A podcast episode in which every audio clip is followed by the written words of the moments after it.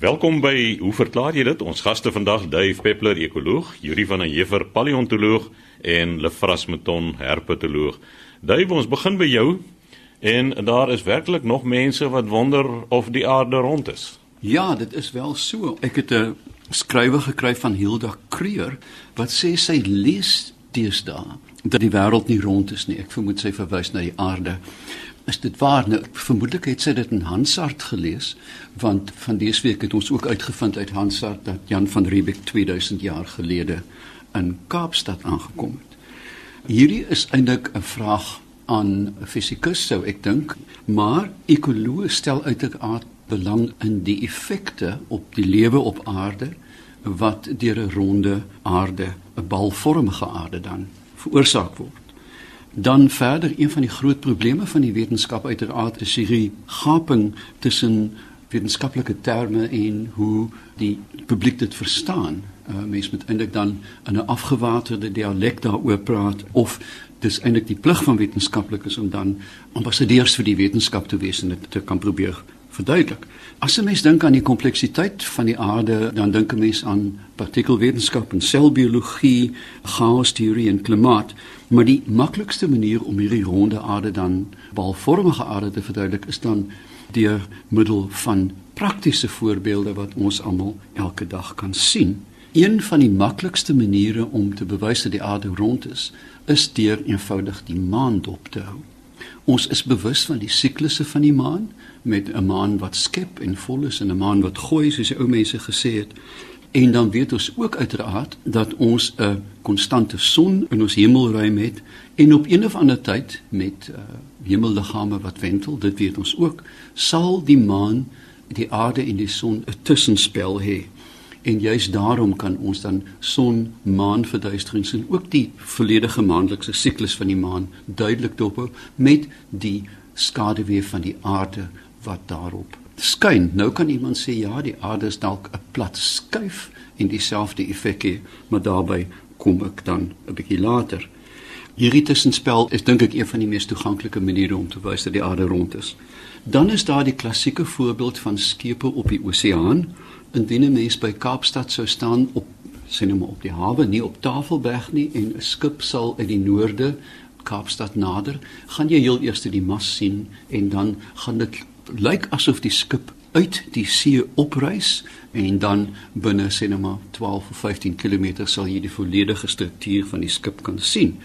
Jy kan dit baie maklik by die huis dieselfde model stimuleer deur 'n lemoen op die tafel te sit en 'n muur op die lemoen buite sig van jou dan uiteraard te sit en dit dop te hou op tafelhoogte en dan as die muur of die ruismuur dan verskyn op 'n springkantjie gaan jy eers die kop sien en dan kan jy dit transponeer na die groot model van die aarde.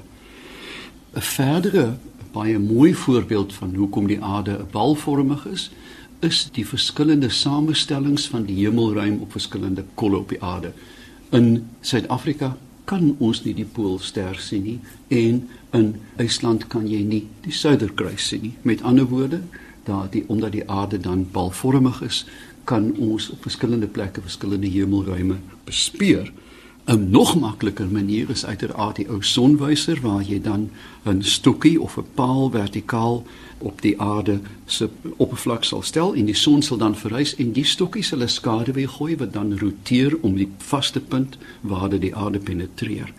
Maar as jy sê nou maar 'n lyn sou trek of 'n lengtegraad lyn wat reg deur Afrika loop, sê nou maar byvoorbeeld ons begin in Libië deur Chad en die Kongo, Angola, Namibië en dan kan jy by Kaapstad uitkom en ons sal 'n aantal van hierdie sonwysers uiteraard op hierdie lyn plaas met die dag wat dan kom, dan sou die skade wees wat hierdie stokkies gooi verskillende lengtes wees want die invalshoek en ook die ronding van die aarde sal bepaal dat op dieselfde tyd sal hierdie stokkies dan verskillende skadelengtes hê.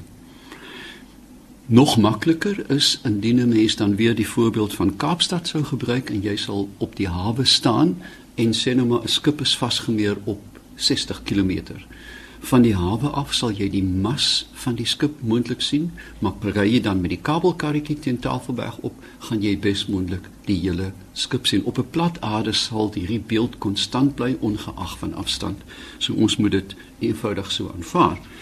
Verder sou mense vliegtyg neem. Ons weet nou van Solar Challenger, hierdie nuwe vliegtyg wat om die aarde vlieg. Vliegtye kan in reguit lyne vlieg en ons weet dat hulle om die aarde kan vlieg teen hoë snelheid.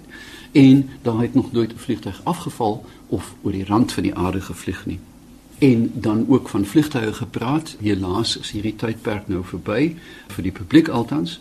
Maar sou 'n mens in Concorde kon vlieg wat ek baie graag sou wou gedoen het, dan het hulle op 70 1000 voet. Nou in kilometers was dit in die orde van 11 of 12 kilometer hoog, kan jy duidelik die ronding van die aarde uit die vliegtuig se venster sien en jy kan ook die swart ruimte daarbo sien.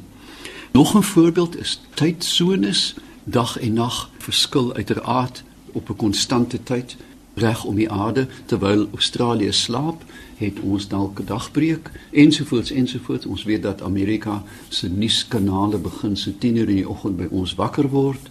Dit sou totaal onmoontlik gewees het op 'n plat aarde. Dan vir my 'n interessante een is en ek dink ons gaan nou al by die 9de of 10de punt is in terme van gravitasie. Ons weet dat gravitasie is 'n konstante Met ander woorde soos Newton dit bepaal het in toentertyd in 1623 Julie was dit in daai orde. Newton het hierdie goed gedoen voor Jan van Riebeeck by ons uitgekom het.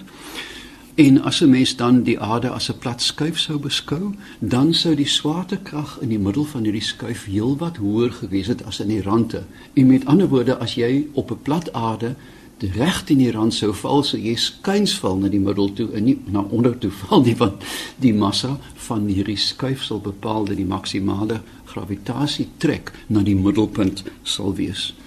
Nommer 12 ruimtebeelde, liewe hemel, ons stuur elke dag vier pelle. Ek weet selfs vrot lande soos Noord-Korea het nou al vier by Japan lanseer satelliete en die hele satelliettegnologie in benadering sou totaal onmoontlik gewees het indien die aarde plat sou wees. Ons weet bloot van die beelde, die lieflike beelde van die aarde opkoms oor die maan met Apollo dat dit 'n ronde aarde was en nie 'n platte nie. Ons weet ook dat satelliete wat in geostatiese bane geplaas word, nie dieselfde voetspoor sou hê op die aarde as 'n satelliet soos ons dit nou het wat wentel nie dan ook laastens dink ek die getye jy weet al hierdie 12 of 15 aspekte van 'n ronde aarde is nou ontwisbaar en ek dink miskien moet ons nou finaal vir die publiek sê geagte publiek die aarde is balvormig wat julle ook al wil dink. Wat vreemd is dat reg oor die aarde is daar groot gemeenskappe wat rotsvas glo dat die aarde wel plat is. Ek wil so graag die rand van hierdie aarde sien. Waar val jy af?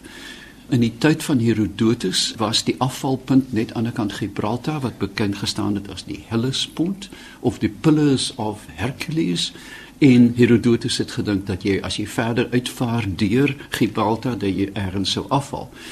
Miskien het almal nou gedink dat die wat daar gekom het het afgeval byna soos by 'n swart gat en nooit 'n foto geneem nie, maar sekerlik teen die tyd moes ons al 'n beeld gehad het van hierdie absolute rand waar al die oseane gedurig afval en die hemel weet waar hulle weer hulle water sou kry. En die absoluut finale as jy 'n rekenaar het, skakel gerus in by Google Earth en dan is daar geen geen geen twyfel dat die aarde wel rond is nie. So sê Dave Peppler, ons ekoloog, hierdie so tydjie gelede het 'n luisteraar 'n uh, opmerking gemaak en ook bewyse gestuur van sekere mense wie se geboorte en sterfdatums baie na aan mekaar was en hy het toe nou 'n korrelasie tussen die twee probeer maak. Maar nadat jy breedvoerig daarop geantwoord het, het ons weer reaksie gekry op die vraag. Chris, ja, inderdaad, maar ek wil net graag eers 'n bietjie terugvoering gee. Ons het 'n brief ontvang van Charles Du Plessis van Villiersdorp en ek wil dit graag lees. Hy sê ek luister al baie jare, dekades. Nou hoe verklaar jy dit? En ek verlustig my elke keer opnuut in die pragtige Afrikaans wat deur die deelnemers gebesig word. Nie alleen praat hulle almal 'n pragtige suiwer Afrikaans nie, maar hulle ontgin ook in baie breë woordeskat. Selfs moeilike wetenskaplike beskrywings en verduidelikings word in suiwer Afrikaans gedoen wat maar net as bewys dien dat Afrikaans 'n volwaardige wetenskaplike taal kan wees. Nou dis goed dat jy dit sê, maar ek wil van jou verskil. Afrikaans is 'n volwaardige wetenskaplike taal, veral ook omdat dit uit die Duitse en Nederlandse bronne kan put. Wat jy nou verwys het, was die verklaring wat ons gegee het met die hulp van ons Max statistikus Arnold Muller oor hoekom daar nie eintlik 'n korrelasie is tussen 'n mens se geboortedatum en sterftedatum nie, maar nou het hier 'n baie mooi brief aangekom van oom Johan van Waverley in Pretoria. Ek kan nou nie sy uitvoerige brief alles lees nie, maar hy noem dat ons beweer het of dat iemand beweer het daar's 'n verband tussen geboorte en sterftedatums en hy hoop sy luister nou weer want hy het die hele verklaring hier gegee en toe gesê maar hy dink daar's 'n toets wat 'n mens kan doen om dit te bewys. Hy sê sy metode is 1 neem 'n geskikte ewekansige genoegsame steekproef van mense, probeer 600 waarvan die geboorte en sterftedatums bekend is. Ek sou kinders en mense wat aan onnatuurlike oorsake dood is uit die steekproef weglaat om my stelling te toets. Nou Ek het weer die hulp van Arnold Muller ingeroep en die eerste ding wat hy gesê het die lees hiervan is nee, as 'n mens werk met geboorte en sterftedatums, moet jy alle geboortes en alle sterftedatums in ag neem. Verder sê hy, deel die jaar op in 6 tydperke. Tydperk 1 is die mense van die steekproef wat binne 1 maand voor of na hulle verjaarsdag dood is en dan gaan hy so aan deur te sê tydperk 2 2 maande voor en na tydperk 3 3 maande en so gaan hy aan tot by tydperk 6 is die mense in die steekproef wat binne 6 maande voor of na hulle verjaarsdag dood is. Nou Arnold maak die baie interessante punt dat gestel nou iemand sterf op die 30ste Mei van 'n jaar. Hy is dan in Mei dood. Dan het daar omtrent die hele maand van Mei reeds verloop voor hy dood is. As jy nou 1 maand voor dit neem April en 1 maand nadat dit Junie, dan werk jy eintlik met 'n tydperk van 3 maande en nie met 2 maande nie. So die statistiek hier oom Johan werk eintlik nie so goed nie, want as jy nou kom by tydperk 6, dan sterf die man op 30 Mei, dis reeds 'n maand, dan moet jy 6 maande voor en 6 maande na dit neem, dan sit jy met 13 maande wat nou een te veel is vir 'n jaar. So dit is eintlik nie uh, 'n uh, goeie manier om dit so te doen nie. Wat jy eintlik nodig het, dus is jy moet elke persoon se geboorte en sterftedatum hê en jy moet 'n statistiese aantal hê wat 'n enorme hoeveelheid mense gaan wees.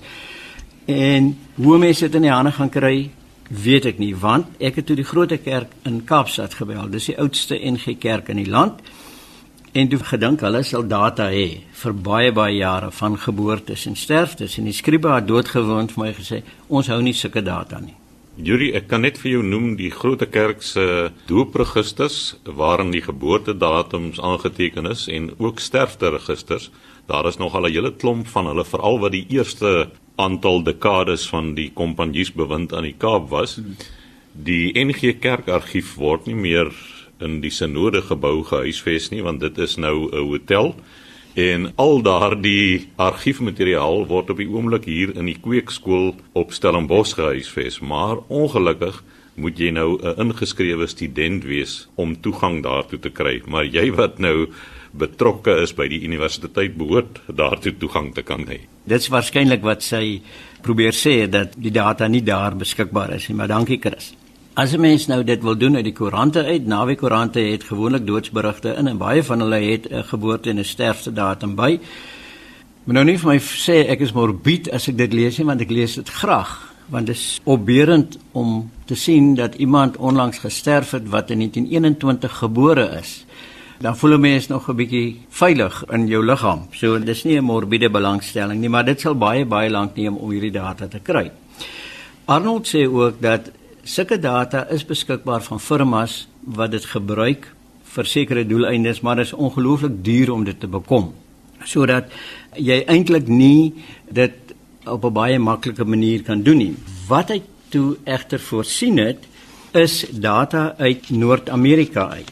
Want hierdie soort data is bekend in Amerika vir die hele Amerikaanse bevolking. So alhoewel dit nou nie vir ons direkte oplossing gee nie, is dit tog 'n aanduiding. Wat hy gedoen het is hy het die data gekry vir die 8 jaar tussen 1995 en 2002 en dit gee dan vir jou die aantal geboortes per maand vir die 8 jaar. So dis 8 jaar se Januaries, 8 jaar se Februaries en dit gee dan ook die sterfte datums.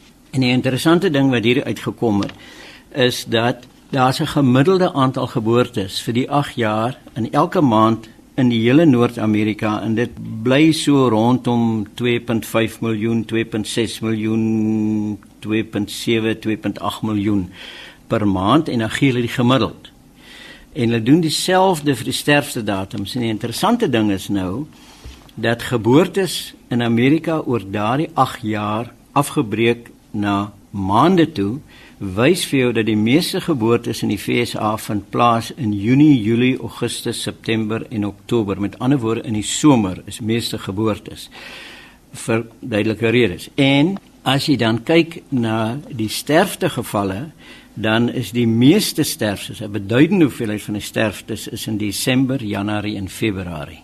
Met ander woorde, diep diep diep winter. En nou moet 'n mens al hierdie ander goed bybring, want as jy nou dink aan wêreldbevolkings wat steeds besig is om ouer te word, ou mense word siek in die winter, hulle sterf makliker eerder as in die somer. As jy dit toepas op ons eie land, en jy wil nou so 'n ding bepaal, dan moet jy kyk na die armes, die middelklas en die rykes. Die armes het gewoonlik geen beheer oor wanneer hulle sterf nie of niemand het 'n beheer oor wanneer jy gebore word nie, maar rykes, middelklasmense en rykes kan deur middel van medikasie en al daai goed kan hulle hulle lewens verleng en hulle kan selfs bepaal wanneer hulle wil sterf. Daar was 'n dame in ons straat gewees wat aan 'n baie baie raar hartsiekte gely het en haar groot begeerte was net om haar dogter se troue nog te ervaar want sy weet sy was op die lys gewees en uh, sy is aan die lewe gehou totdat haar dogter getrou het en tyd daarna het hulle weggetrek en sy het toe gesterf.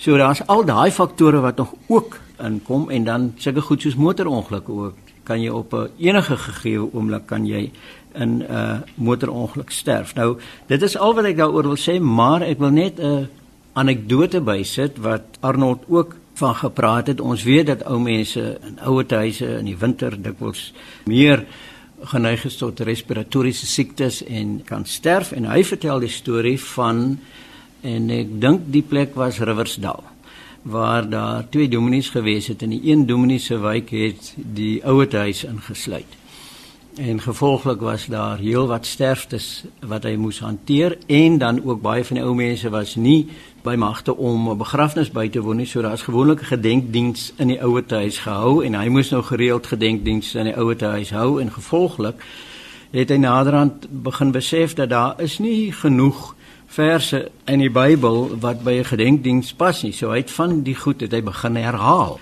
en dit meer as eenmaal gebruik en dit het dan uh, ook so by geleentheid gebeur dat wanneer hy so 'n gedenkdiens se idee in die verse herhaal het dan een van die ou oomies by hom gekom en dan vir hom gesê Dominee dit was nou baie mooi en net soos ander dag Yuri ek probeer nou dink aan enige biologiese sin wat dit nou sal maak dat daar 'n korrelasie is tussen geboorte en sterfte. Dat kan nie wees nie. Nee, ek dink ook as mense daaraan dink, jou gevoel is daar is nie 'n korrelasie nie en hierdie statistiek wys dat daar nie 'n korrelasie is nie. Die enigste ding wat ek wel kan aan dink is, dit is blykbaar 'n bekende feit dat met groot oorloë, soos die wêreldoorloë, veral die Eerste Wêreldoorlog waar jong mans in hulle miljoene gesterf het, dan onmiddellik na die oorlog het jy die biologiese feit dat soos die populasie homself regstel, dan neig die vrouens om meer seuns te hê. So daar's 'n korrelasie tussen sterftes en geboortes, maar dit het te doen met geslag. Dis dan Yuri van der Heever, ons paleontoloog wat gesels het oor die korrelasie tussen geboorte en sterfdatums. Laaste aan die beurt, Lefras Meton, herpetoloog. Lefras, jy gesels oor kamouflering by diere. Ja, Chris, dit is na aanleiding van 'n vraag wat ons ontvang het van Marie van Balito in KwaZulu-Natal. Sy sê ek het onlangs twee klein pofaddertjies gesien, een ongelukkig plat gedruk onder die voordeurmat en die ander onder die asblik buite. En dan ook 'n baie slim mammaatjie het sy gesien. Die pofaddertjie het onder die mat beland wat grys bont van kleur is. Nou ja, ons weet 'n pofadder het ook mos maar so 'n gevlekte kleur. En die mamba klein mamaitjie nou het op die swart rubbermat gelê. In die mat is gegiet in krulletjies en truitjies. Nou is haar vraag: Hoe weet die slang en dan in hakkies ander diere watter kleure sal vir hulle onsigbaar maak? Met ander woorde, kamouflering bied. Ja, ons weet hierdie hele idee van kamouflering, dit is baie kompleks en daar's baie aspekte daaraan verbonde. Dit gaan nie net oor kleur nie, maar dit gaan ook soms oor liggaamsvorm en allerlei ander dinge. So ek dink ons moet ons nou net hierso beperk tot kleur. Eerstens ek wil sommer dadelik sê dat kamouflering is nie die enigste funksie van kleur nie. Kleur speel 'n baie belangrike rol by seker die meeste spesies vir individue om mekaar te kan erken as lede van dieselfde spesies vir intraspesiese kommunikasie vir al die mannetjies wil vir die ander mannetjies sê hey bly weg uit my gebied uit. Ek is sterker as jy. En hulle doen dit dan deur helder kleure wat hulle vertoon. Ek dink aan sebras byvoorbeeld net hierdie kommunikasie, daar's altyd hierdie interessante aspek. Hoekom is 'n sebra gekleed en dan dink seker mense o, dit is om hulle te kamoufleer. En dan terselfdertyd het ons natuurlik nou sebra strepe oor die paaie, juis dat ons dit moet kan raak sien so die kamouflering werk nie lekker nie, maar vir my die mees aanneemlike teorie is dat sebras het strepe sodat hulle mekaar kan sien in die nag as daar leeu aanval is en in 'n troppie kan bly want as een sou afdwaal dan gaan die leeu hom vang. So dit is dan om mekaar te kan sien. Dan is daar natuurlik ook tussenspesiese kommunikasie. Ons weet baie diere gebruik klere, waarskuwingsklere. Hulle wil vir ander predatore sê bly weg van my. As ons nou dink aan die stinkmuisond met sy swart en wit strepe, die oogpusters met die wit kolle op die lyf, baie paddas het helder klere.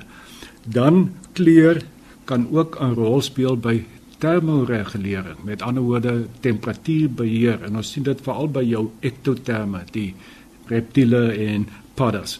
Ons weet dat donker kleur, swart, sal die radiasie van die son baie vinniger absorbeer en daardie diere kan dus vinniger warm word.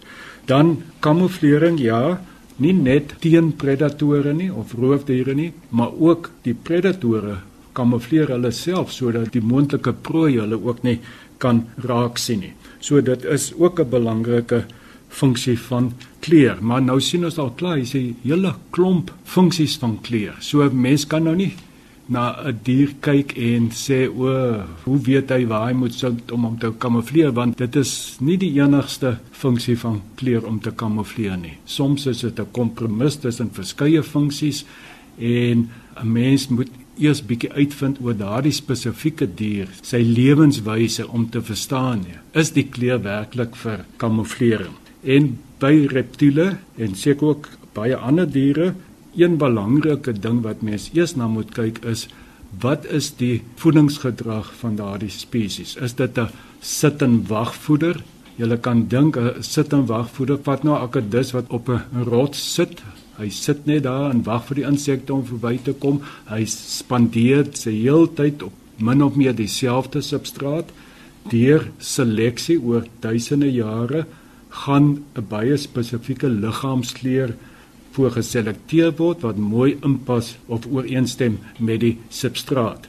'n Ander dier wat nou weer 'n aktiewe soeker is. Hy loop die hele dag rond op soek na kos so uit die aard van die saak gaan hy oor verskillende substraat tipes beweeg wat verskillende kleure gaan hê en dit gaan ons nou nie werk dat hy 'n spesifieke kleur het om nou aan te pas by die agtergrond. So ons kry by hierdie diere dat daar dikwels dan onvrugtende kleure of patrone ontwikkel. Hulle het kolle op of hulle het strepe ensovoorts.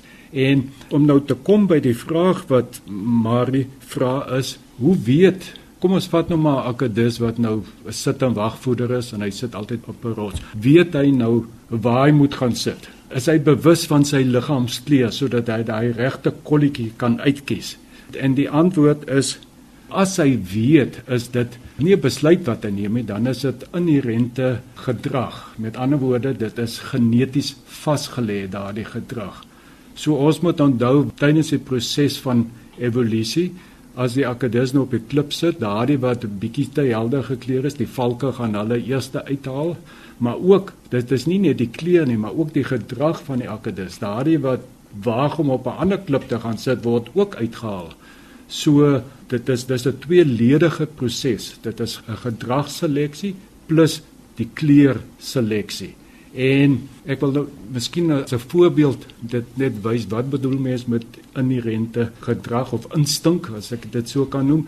Ek hou duwe aan, vliegduwe as daardie jong duifies vir die eerste keer nou uitgelaat word en daar hulle sit nou die eerste keer buite die hok op die dak en daar kom 'n kraai vlieg daar bo in die lug daardie jong duifies gaan hom kyk maar daar gaan geen reaksie wees nie.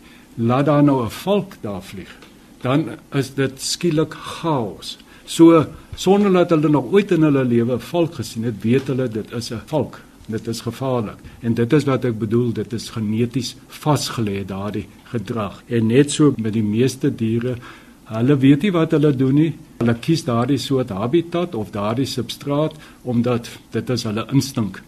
So net om af te sluit, hierdie diere of die meeste reptiele kan nie van kleur verander nie en dit is nie dat hulle weet wat hulle doen nie, dit is maar net instink. Daar is wel reptiele en ander diere wat blitsig van kleur kan verander as hulle van een agtergrond na 'n ander agtergrond beweeg en dit word waarskynlik deur die sinsorgane bewerkstellig via die oë word daardie inligting oorgedra en daardie kleurverandering vind plaas.